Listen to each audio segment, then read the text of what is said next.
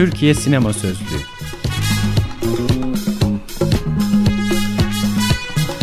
Altyazı Aylık Sinema Dergisi'nin 150. özel sayısından.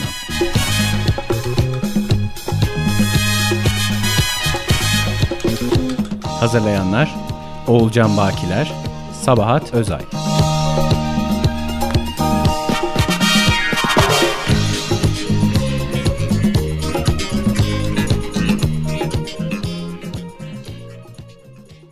Madde.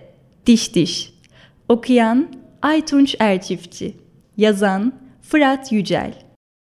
Ömer Kavur'un Şükran Koyacak Esen'e 2000'li yılların başında verdiği bir röportajda bahsi geçen Diş Diş, 70'li yılların başında Ankara'da devletin bir uzantısı olan Merkez Film Kontrol Komisyonu tarafından yerli filmlerin denetiminin yapıldığı Film İşletmecileri Cemiyeti'nin küçük sinema salonunun makinistidir.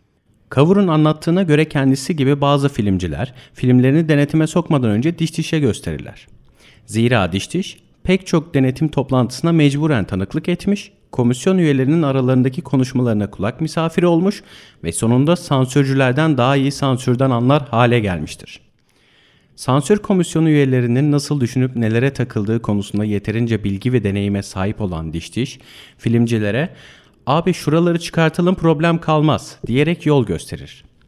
Kavur'un da aynı röportajda belirttiği üzere film sansürden geçtikten sonra çıkartılan sahneleri gösterim kopyasına tekrar eklemek ise o yıllarda filmcilerin başvurduğu riskli fakat yaygın bir yöntemdir.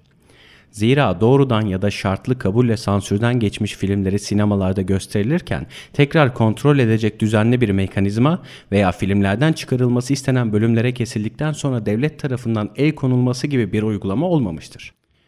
Sansür sisteminin içindeki bu çatlak, komisyonlarda görev yapmış Feriha Sanerk tarafından da Beyiç Akın, 99 yapımı Siyah Perde, Türk sinemasında sansürün tarihi belgeselinde açıkça dile getirilir. Türkiye sinema tarihinin önemsiz bir figürü gibi görünen Diş ile ilgili bu anekdot, Türkiye'de özellikle 60'lı ve 70'li yıllardaki film sansürüne ilişkin önemli bir duruma işaret eder. Devletin ve onun bir uzantısı olan sansürün, kağıt üzerindeki bu korkunçluğuna rağmen uygulamada filmler ve filmciler üzerinde mutlak bir hakimiyet kuramadığını ve filmcilerin de sanıldığı kadar pasif, mağdur ve çaresiz özneler olmadığını gösterir. Türkiye Sinema Sözlüğü'ne diş diş başlığıyla bağlantılı bir maddeyi okuyarak devam edeceğiz. Fırat Yücel'in yazdığı Na başlığı. Alın bakalım çocuklar. İşte kitaplarınız, defterleriniz. Bunlar da silgileriniz, kalemleriniz. Şimdi bana defterinizin birinci sayfasına silmeden bildiğiniz bütün sözcükleri yazacaksınız. Anladınız mı? Peki bir daha anlatıyorum. Bildiğiniz sözcükler. Sözcükler. Örneğin soba, öğretmen, sıra, masa, iskemle. Bildiğiniz sözcükleri alt alta yazacaksınız.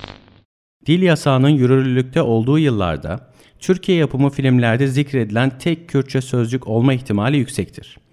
1982'de çekilen Hakkari'de bir mevsimde Genco Erkal'ın canlandırdığı öğretmen sınıfa girer. Nihayet defter, kitap, kalem ve silgi getirmeyi başarmıştır köye. Bunları tek tek sıraların üzerine bırakır ve şöyle der çocuklara. Şimdi bana defterinizin birinci sayfasına silmeden bildiğiniz bütün sözcükleri yazacaksınız. Anladınız mı? Türkçe bilmeyen çocuklar hep bir ağızdan na diye cevap verirler. Peki Kürtçe'de hayır anlamına gelen na nasıl olup da sansüre takılmayıp filmde işitilir hale gelmiştir?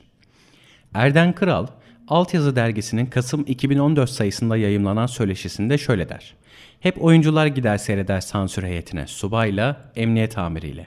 Rica ettim Genco'ya, gitti izlemeye. Tam na sahnesi geldiğinde öksürük nöbetine tutuldu ve orasını duyamadılar.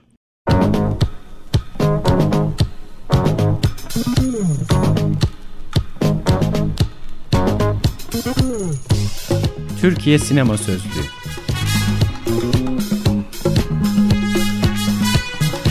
Altyazı Aylık Sinema Dergisi'nin 150. özel sayısından.